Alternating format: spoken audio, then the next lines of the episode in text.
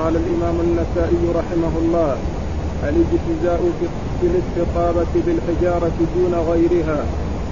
وقال أخبرنا قتيبة قال حدثنا عبد العزيز بن أبي حازم عن أبيه عن مسلم بن قرط عن عروة عن عائشة رضي الله عنها أن رسول الله صلى الله عليه وسلم قال إذا ذهب أحدكم إلى الغائط فليذهب معه بثلاثة أحجار فليستطب بها.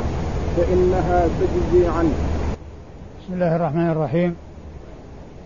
الحمد لله رب العالمين. وصلى الله وسلم وبارك على عبده ورسوله نبينا محمد وعلى آله وأصحابه أجمعين. أما بعد يقول النسائي رحمة الله عليه الإجتزاء في الاستطابة بثلاثة أحجار دون غيرها. الإجتزاء في الحجارة الإجتزاء في الاستطابة بالحجارة دون غيرها. الاستطابة. الاجتزاء في الاستطابة. آه. بالحجارة دون غيرها. الاجتزاء بالاستطابة في الحجارة دون غيرها. مقصود النسائي من هذه الترجمة أن الحجارة يمكن أن يستغنى بها عن غيرها ويكتفى بها عن غيرها يعني الذي هو الماء وأن وأنه لا يتعين الماء. لإزالة ما يخرج أو أثر ما يخرج وإنما يمكن أن يكتفى بالحجارة وإذا استعمل الماء فهو أولى لأن الماء يزيل ما كان في محل الخروج وفيما تجاوز محل الخروج بخلاف الحجارة. فإنها تزيل ما كان في محل الخروج. أما لو انتشر الخارج إلى أماكن أخرى خارج محل الخروج فإنه يحتاج في ذلك إلى الماء ولا ولا يستغنى عن الحجارة في ذلك. وإذا فإن الحجارة يمكن أن يكتفى بها عن الماء ولكن إذا وجد الماء فهو أولى من الحجارة. استعمال الماء أولى من استعمال الحجارة لأنه يزيل آه، ما يكون على محل الخروج وما تجاوز محل الخروج.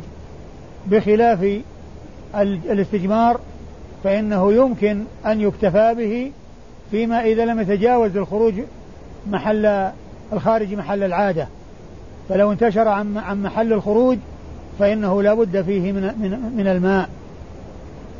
وإذا فمقصود هذه الترجمة أنه لا يتعين الماء ولكن إذا وجد ما يقتضيه بأن تجاوز الخارج موضع العادة يعني موضع الخروج فعند ذلك لا بد من استعمال الماء ولا تكفي أو ولا يكفي استعمال الحجارة. وقد أورد النسائي في ذلك حديث عائشة رضي الله عنها أن النبي عليه الصلاة والسلام قال إذا ذهب أحدكم إلى الغائط فليأخذ معه أو فليذهب معه بثلاثة أحجار وليستطب بها فإنها تجزي عنه.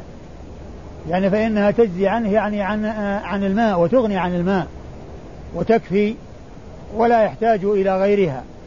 لكن إذا كانت النجاسة تجاوزت محل الخارج فلا بد من إزالة النجاسة.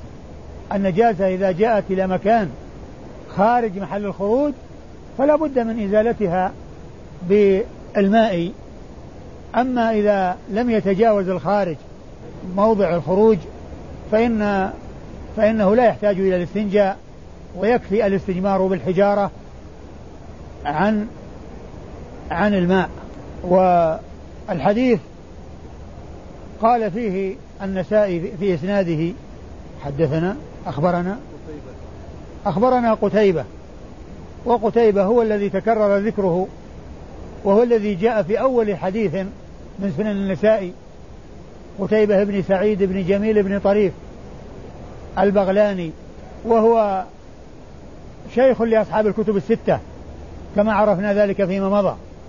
كلهم رووا عنه وكلهم رووا عنه وأخرجوا حديثه بدون واسطة. فهو شيخ لهم جميعا. وهو ثقة ثبت. عن عن من؟ حدثنا عبد العزيز بن أبي حازم. قال حدثنا عبد العزيز بن أبي حازم. حدثنا عبد العزيز ابن أبي حازم. وأبو حازم هو سلمة بن دينار. سلمة ابن دينار. واذا فعبد العزيز هو ابن سلمة بن دينار. ولكن ولكن أباه مشهور بالنسبة. وهو مشهور بالنسبة إلى أبيه مكنى فهو عبد العزيز بن أبي حازم وهو من رجال الجماعة. خرجوا حديثه وهو صدوق. أما أبوه سلمة بن دينار أبو حازم فهو ثقة ثبت وهو من رجال الجماعة. خرج أصحاب الكتب الستة حديثه. وإذا فعندنا قتيبة وعبد العزيز بن أبي حازم. وأبو حازم هؤلاء كلهم من رجال أصحاب من رجال الكتب الستة. هم من رجال الكتب الستة. أما أبو حازم فهو يروي عن عن مسلم بن قرط. ومسلم بن قرط هذا آه قال عنه ابن حجر في التقريب إنه مقبول. وذكر أن ابن حبان وثقه وذكره في الثقات. وقد خرج حديثه أبو داود والنسائي. يعني هو من رجال أبي داود والنسائي فقط. ومن المعلوم أن المقبول لا يحتج بحديثه إلا إذا وجد ما يعضده ويساعده. والحديث ما جاء إلا من طريق مسلم بن قرط هذا. لكن وجد له شواهد يعني من حديث غير عائشة. يعني منها ما هو بمعناه ومنها ما هو بلفظه أو قريب من لفظه عن بعض الصحابة. فتكون هذه شواهد له وعلى هذا فيكون الحديث صحيحا أو حسنا باعتبار أنه هذا المتن أو هذا المعنى لم ينفرد به وإنما جاء عن غيره وإنما جاء عن غيره فهو ثابت لا من هذا من هذه الطريق وحدها لأن من وصف بأنه مقبول لا بد في اعتماد روايته في وجود ما يساعده ويؤيده وهنا وجد ما يساعده ويؤيده من الشواهد. عن بعض الصحابة عن أبي أيوب وسلمان وقد ذكرها الشيخ الألباني في إرواء الغليل. فإذا الحديث ثابت لا من هذه الطريق ولكن بضميمة غيرها إليها. بضميمة غيرها إليها وضم الشواهد عن بعض الصحابة يشهدون له آه، رووا ما يشهد لهذا الحديث الذي جاء من طريق مسلم بن قرط عن أم المؤمنين عائشة رضي الله تعالى عنها وأرضاها فإذا يكون الحديث ثابتا لا بهذا الإسناد بمفرده ولكن بضميمة غيره إليه. عن مسلم بن قرط إيش؟ عن عروة. عن عروة وهو ابن الزبير. وعروة هو أحد الثقات الأثبات وهو من المكثرين.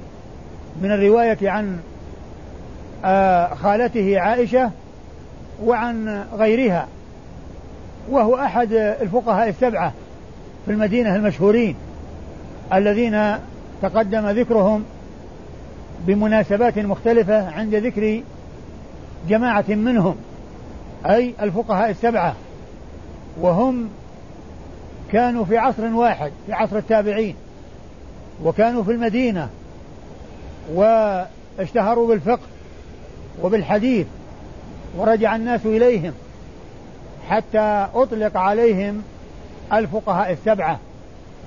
فيقولون في بعض المسائل وقال بها الفقهاء السبعة. وهذه المسألة قال بها الفقهاء السبعة. يعني فقهاء المدينة السبعة الذين منهم عروة بن الزبير هذا. الذين منهم عروة بن الزبير. وسبق أن ذكرت أن ستة منهم يعدون من الفقهاء السبعة باتفاق. وأما السابع ففيه خلاف على ثلاثة أقوال. فالسبعة المتفق عليهم هم سعيد بن المسيب وعروة بن الزبير والقاسم بن محمد بن أبي بكر وسليمان بن يسار وخارجة بن زيد بن ثابت و ومن؟ هذا الذي لا غيره. غيره عديناه.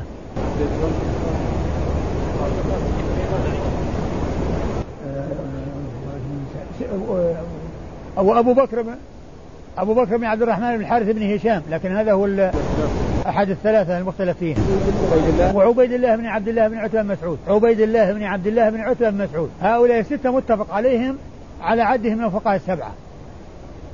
أما السابع ففيه خلاف. على هات أقوال. منهم من قال أبو بكر بن عبد الرحمن بن الحارث بن هشام. ومنهم من قال أبو سلمة بن عبد الرحمن بن عوف. ومنهم من قال سالم بن عبد الله بن عمر. أحد هؤلاء الثلاثة هو السابع. فستة متفق على عدهم والسابع اختلف فيه على أقوال. منهم من يقول السابع سالم بن عبد الله بن عمر. ومنهم من يقول أبو سلمة بن عبد الرحمن بن عوف ومنهم من يقول أبو بكر بن عبد الرحمن بن الحارث بن هشام. وقد ذكر الفقهاء السبعة ابن القيم في أول كتابه إعلام الموقعين وذكر بيتين من الشعر فيه ذكر هؤلاء الفقهاء والسابع فيهم هو أبو بكر بن عبد الرحمن. والسابع فيهم على ما ذكره ابن القيم هو أبو بكر بن عبد الرحمن. ابن الحارث بن هشام. يقول ابن القيم في في هذين البيتين ولا أدري هل هما له أو لغيره إذا قيل من في العلم سبعة أبحر روايتهم ليست عن العلم خارجة. فقل هم عبيد الله عروة قاسم سعيد أبو بكر سليمان خارجة. يعني البيت الثاني يشمل السبعة يشمل أوائل أسماءهم أوائل الأسماء. والبيت الأول تمهيد ومدخل إليهم وتنويهم بشأنهم. إذا قيل من في العلم سبعة أبحر روايتهم ليست عن العلم خارجة. فقل هم عبيد الله عبيد الله بن عبد الله بن عتبة بن مسعود عروة عروة بن الزبير الذي معنا في الإسناد. قاسم القاسم بن محمد بن أبي بكر. آه فقل هم عبيد الله عروة قاسم سعيد سعيد المسيب. آه أبو بكر بن عبد الرحمن بن الحارث بن هشام سليمان بن يسار خارجة بن زيد. هؤلاء هم الفقهاء السبعة على اعتبار أن السابع هو أبو بكر بن عبد الرحمن ابن الحارث ابن هشام. وعروة من رجال الكتب الستة. وعروة من رجال الكتب الستة. أما الصحاب الصحابي الحديث هو عائشة أم المؤمنين الصديقة بنت الصديق. رضي الله تعالى عنها وأرضاها ذات المناقب الجمة والفضائل الكثيرة والتي أنزل الله تعالى براءتها في كتابه من سبع سماوات في آيات تتلى من سورة النور و وهي أكثر النساء حديثا وهي من أوعية العلم وأوعية السنة حافظة الكثير من سنة رسول الله صلى الله عليه وسلم وهي بلغت أحاديثها في الكتب ألفين ومائتين وعشرة أحاديث. ألفين ومائتين وعشرة أحاديث. اتفق البخاري ومسلم من هذه الأحاديث على مائة وأربعة وسبعين حديثا. مائة وأربعة وسبعين حديثا. وانفرد البخاري بأربعة وخمسين وانفرد مسلم بثمانية وستين. هكذا في الخلاصة كما ذكرت لكم أن من فوائد الخلاصة في تذهيب خلاصة تذهيب الكمال أنها أنه إذا ذكر الصحابي يذكر عدد ما له من الأحاديث ويذكر الذي اتفق عليه منها وعدد الذي انفرد به البخاري وعدد الذي انفرد به مسلم. وهنا أم المؤمنين عائشة روت ألفين ومائتين وعشرة أحاديث. اتفق البخاري ومسلم على مائة وأربعة وسبعين. وانفرد البخاري بأربعة وخمسين. وانفرد مسلم بثمانية وستين. وهي أحد السبعة الذين زاد حديثهم على الألف وهي كما ترون قد زاد على الألفين. والذين جمعهم السيوطي في ألفية بقوله والمكثرون في رواية الأثر. أبو هريرة يليه ابن عمر وأنس والبحر أي ابن عباس والبحر كالخدري وجابر وزوجة النبي. زوجة النبي عائشة رضي الله عنها وأرضاها. وإذا فرجال الإسناد كلهم من رجال الكتب الستة قتيبة ثم عبد العزيز بن أبي حازم ثم أبوه أبو حازم ثم آه ثم عروة ثم عائشة أما مسلم بن قرط فهو من رجال أبي داود والنسائي فقط. أما مسلم بن قرط فهو من رجال النسائي وأبو وأبي داود فقط.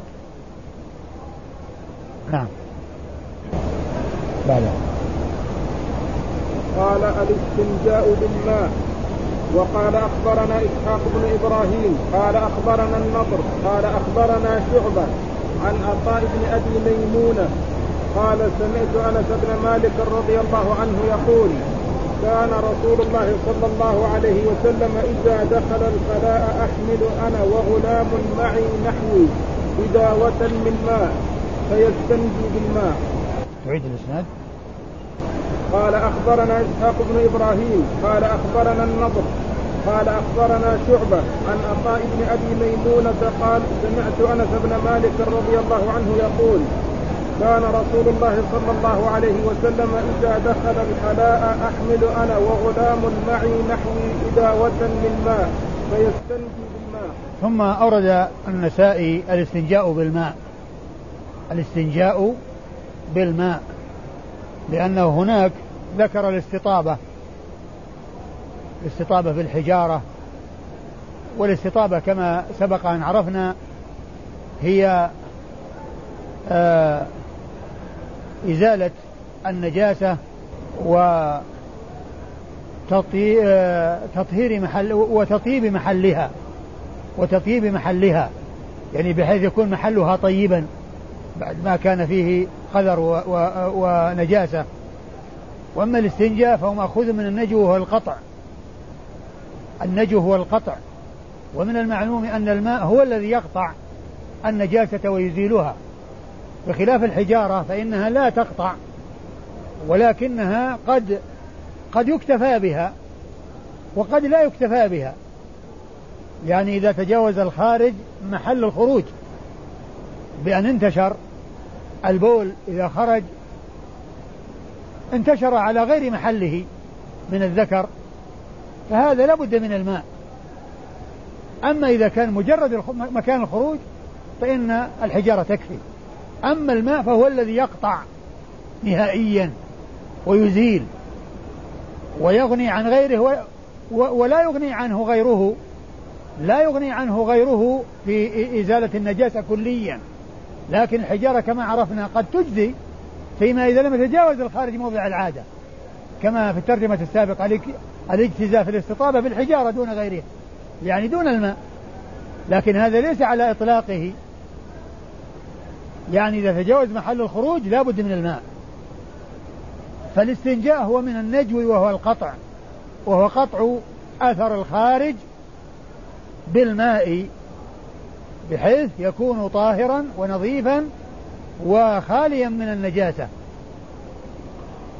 ثم أورد النسائي حديث أنس بن مالك وهو في الصحيحين يعني جاء في الصحيحين وفي غيرهما ورواه النسائي الذي رواه النسائي هو في الصحيحين يقول كنت أحمل أنا إذا إذا دخل النبي صلى الله عليه وسلم الخلاء أحمل أنا وغلام نحوي إداوة من ماء فيستنجي بالماء. فقوله أحمل أنا وغلام نحوي يعني مقارب لي كلمة نحوي يعني مشابه لي ومقارب لي يعني معناه أنه صغير مثله يقاربه في السن. والغلام قيل إنه هو الصغير الذي يميز وقيل إنه إلى حد البلوغ وقيل إنه إلى أن يلتحي. أقوال متعددة لكن قوله قول أنس نحوي يعني معناه أنه مماثل له ومعلوم أن أنس بن مالك رضي الله تعالى عنه لما قدم الرسول صلى الله عليه وسلم المدينة عمره عشر سنوات وقد خدم النبي صلى الله عليه وسلم عشر سنوات وتوفي رسول الله صلى الله عليه وسلم وعمره عشرون سنة. توفي رسول الله صلى الله عليه وسلم وعمره عشرون سنة لأنه مكث أربع سنة آه، آه، آه، يعني عمره عشر سنوات عندما قدم النبي صلى الله عليه وسلم المدينة وخدم النبي عشر سنوات فعمره عند وفاة النبي في حدود العشرين قوله غلام نحوي يعني أنه في حدود هذه السن قد يكون يعني في آخر أمره قد يكون في أول أمره. آه إداوة يعني إناء من جلد يعني وعاء من جلد من ماء يعني مملوء بالماء يعني فيه ماء. إداوة من ماء يعني وعاء من جلد فيه ماء فيستنجي بالماء وهذا هو محل الشاهد الاستنجاء بالماء فيستنجي بالماء يعني يستعمله لإزالة ما يخرج أو إزالة ما محل الخروج ما يحصل آه، من أثر الخارج آه، فالحديث فيه الاستنجاء بالماء وفيه آه، خدمة الأحرار. لأن أنس بن مالك وهذا الذي معه يخدمون النبي صلى الله عليه وسلم وهو من الأحرار ففيه خدمة الأحرار. وفيه آه كنت أحمل أنا غلام نحوي إداوة من ماء فيستنجي بالماء. أما إسناد الحديث فيقول البخاري فيقول النسائي أخبرنا إسحاق بن إبراهيم وإسحاق بن إبراهيم مر ذكره مرارا وإسحاق بن إبراهيم الحنظلي أبو آه، آه، المشهور بالراهوية أو بالراهويه. وقلت لكم أن المحدثين يقول راهوية واللغويين يقولون راهويه يعني المختوم بويه. الأسماء المختومة بويه. أولئك يقولون المحدثون راهوية وهؤلاء يقولون راهويه.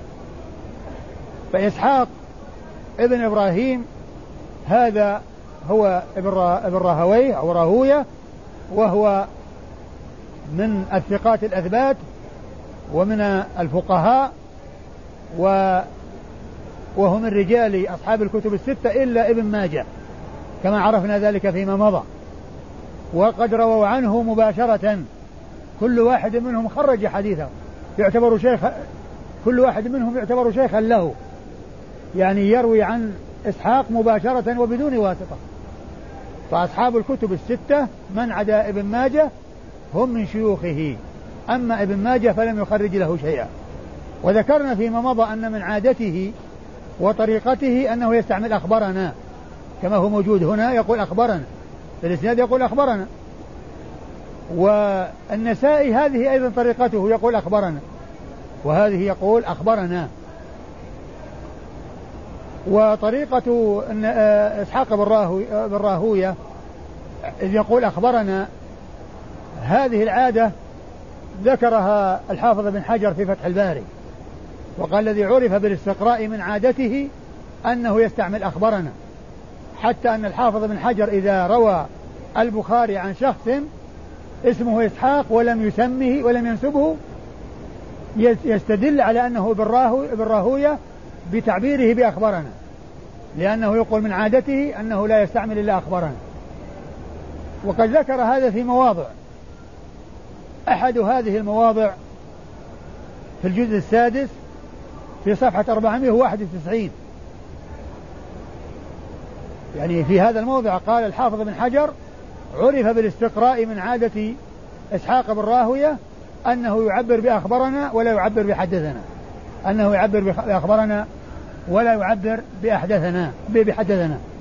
أنا أقول هذا لأن أحد الإخوة سألني عن الموضع الذي ذكر الحافظ فيه ابن حجر هذه الفائدة التي هي كون المعروف من عادة إبراهيم من عادة إسحاق بن راهوية أنه يستعمل أحد أخبرنا وأنه لا يستعمل حدثنا لكن آه هناك بعض المواضع جاءت عنه فيها حدثنا. هناك بعض المواضع وأنا قد دونتها عندي. يقول فيها حدثنا لكن يعني إن, إن, إن هذا هو الغالب عليه. وغيره نادر. وغيره نادر الذي هو استعمال حدثنا.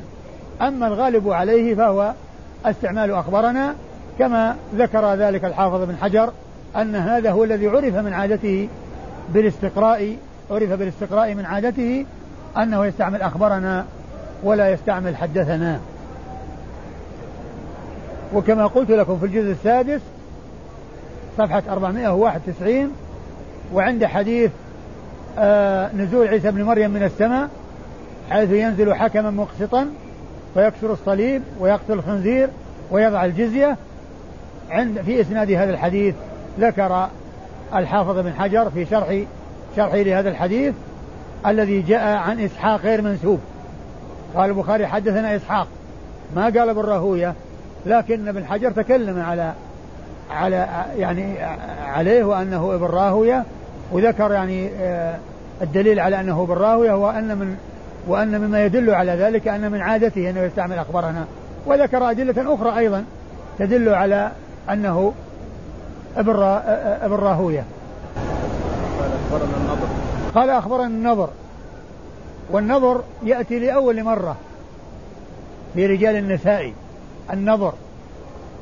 والنظر يطلق على جماعة لكن الذي ذكر الذهبي في تهذيب التهذيب أنه روى عن شعبة هو النضر بن شميل نعم. حجر إيش؟ لا ابن حجر في مش ابن حجر المزي في تهذيب الكمال. المزي في تهذيب الكمال.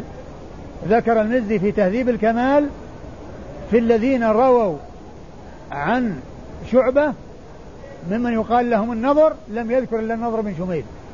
لم يذكر إلا النظر بن شميل. فإذا الراوي عن آه، شعبة في هذا الإسناد الذي لم لم ينسب وقيل النظر فقط هو النظر بن شميل. والنظر بن شميل ثقة ثبت من رجال الجماعة خرج حديثه أصحاب الكتب الستة. خرج حديثه أصحاب الكتب الستة. ويسمون ويطلقون على الرجل أو. الذي يذكر ولا ينسب المهمل ومعرفة المهمل يكون بمعرفة الرجوع إلى شيوخه وإلى تلاميذه. وكما ذكرت الحديث في سنن النسائي ورجال النسائي وغير النسائي من أصحاب الكتب موجودين في تهذيب الكمال وتهذيب الكمال يذكر الشيوخ والتلاميذ ويستقصيهم على حروف المعجم يذكر الشيوخ على حروف المعجم والتلاميذ على حروف المعجم في كل ترجمة في كل ترجمة. فعندما ذكر الذين أخذوا عن شعبة لم يذكر فيهم من يسمى النظر إلا النظر بن جميل. فإذا النظر المهمل هنا هو النظر بن شميل وهو ثقة ثبت وخرج حديثه أصحاب الكتب الستة. عن شعبة. أما شعبة فهو ابن الحجاج الذي وصف بأنه أمير المؤمنين في الحديث وهو من أئمة الجرح والتعديل. وقد سبق أن مر ذكره وهو من رجال الكتب كلها من رجال الكتب الستة. من رجال الكتب الستة خرجوا حديثه جميعا جميعهم كلهم خرجوا حديثه عن عطاء بن أبي ميمونة عن عطاء بن أبي ميمونة. وعطاء بن أبي ميمونة هذا هو من الثقات هو من الثقات الأثبات. وقد خرج حديثه الجماعة إلا الترمذي أصحاب الكتب إلا الترمذي خر... يعني لم يخرج حديثه. وأما البخاري ومسلم وأبو داود والنسائي وابن ماجه فقد خرجوا حديثه. يعني فإذا عندنا في الإسناد إسحاق روى له الجماعة إلا إلا ابن ماجه وعطاء بن أبي ميمونة روى له الجماعة إلا الترمذي. روى له الجماعة إلا الترمذي. والباقون خرج حديثهم أصحاب الكتب. والباقون خرج حديثهم أصحاب الكتب جميعا. عن عطاء بن أبي ميمونة. عن أنس بن مالك. وهذا صاحب رسول الله عليه الصلاة والسلام ورضي الله عن أنس وعن الصحابة أجمعين. وهو الذي سبق أن مر ذكره مرارا في الأحاديث الماضية. نعم. بعده. مر بنا إيه بين أنس بن مالك. مرة كثيرة. مرة في مرة في مرة في مواضع. نعم. قال أخبرنا قتيبة قال حدثنا أبو عوانة عن قتادة عن معاذ عن عائشة رضي الله عنها أنها قالت مرن أزواجكن أن يستطيبوا بالماء فإني أستحييهم منه. إن رسول الله صلى الله عليه وسلم كان يفعله. ثم أورد النسائي حديث عائشة رضي الله عنها التي تقول فيه للنساء مرن أزواجكن أن يستطيبوا بالماء فإني أستحييهم منه فإني أستحييهم منه. وقد كان النبي صلى الله عليه وسلم يفعله وقد كان. إن رسول الله وإن وإن رسول الله كان يفعله. وإن رسول الله صلى الله عليه وسلم كان كان وإن رسول الله كان يفعله. ومقصود من ذلك قولها إن كان يفعله. يعني يعني يستطيب بالماء ويستنجي بالماء. والمقصود من ذلك إرشادها إرشادها يعني للنساء أن يذكرن أزواجهن بما هو الأفضل والأكمل. لا أن غيره لا يجزي بل إن هذا هو الأولى اللي هو الماء. أما غيره فإنه يجزي عنه فإن غيره قد يجزي هو يجزي عن غيره وغيره قد يجزي وقد لا يجزي. كما ذكرت ذلك من قبل إذا تجاوز محل الخارج لازم من الماء وإذا لم يتجاوز فإنه يكفي. تكفي الحجارة. والمقصود من ذلك الإرشاد إلى ما هو الأفضل وإلى ما هو الأكمل وإلى ما هو الأولى. وقوله أن يستحييهم منه يعني أنها تستحي أن تتكلم معهم وأن تبدأهم بمثل ذلك. لكن كونها تأمر النساء بأن يذكرن أزواجهن وأن يتحدثن مع أزواجهن وأن يروين عنها هذه هذا هذا الذي كان النبي صلى الله عليه وسلم يفعله لكن ليس ذلك على سبيل أنه لازم وأنه متعين بل إرشاد إلى ما هو الأولى وإلى ما هو الأفضل وإلى ما هو الأكمل. أما إسناد الحديث فهو عن قتيبة قتيبة مر ذكره مرارا وعن أبي عوانة وأبي عوانة يأتي ذكره لأول مرة وهو الوضاح بن عبد الله اليشكري ومشهور بكنيته مشهور بكنيته ويأتي ذكره كثيرا في الأسانيد بهذه الكنية أبو عوانة في الصحيحين وفي غيرهما وهو ثقة ثبت من رجال الجماعة. خرج حديثه أصحاب الكتب. خرج حديثه أصحاب الكتب الستة وكانت وفاته بعد المئة والسبعين اللي هو 74 و 75 وهناك شخص يقال له أبو عوانة مشهور بهذه الكنية وهو صاحب المستخرج. أو المسند أو الصحيح. يقال له يقال له صحيح أبي عوانة ومسند أبي عوانة ومستخرج أبي عوانة. وقد طبع منه بعض الأجزاء مشهور بكنيته. وهو شخص آخر غير هذا وهو يعقوب بن إسحاق الإسفرائيني المتوفى سنة 316 وهو صاحب هذا الكتاب الذي له ثلاث أسماء. يقال له مسند لأنه مسند. حدثنا فلان إلى آخر الإسناد ويقال له مستخرج لأنه مستخرج على صحيح مسلم.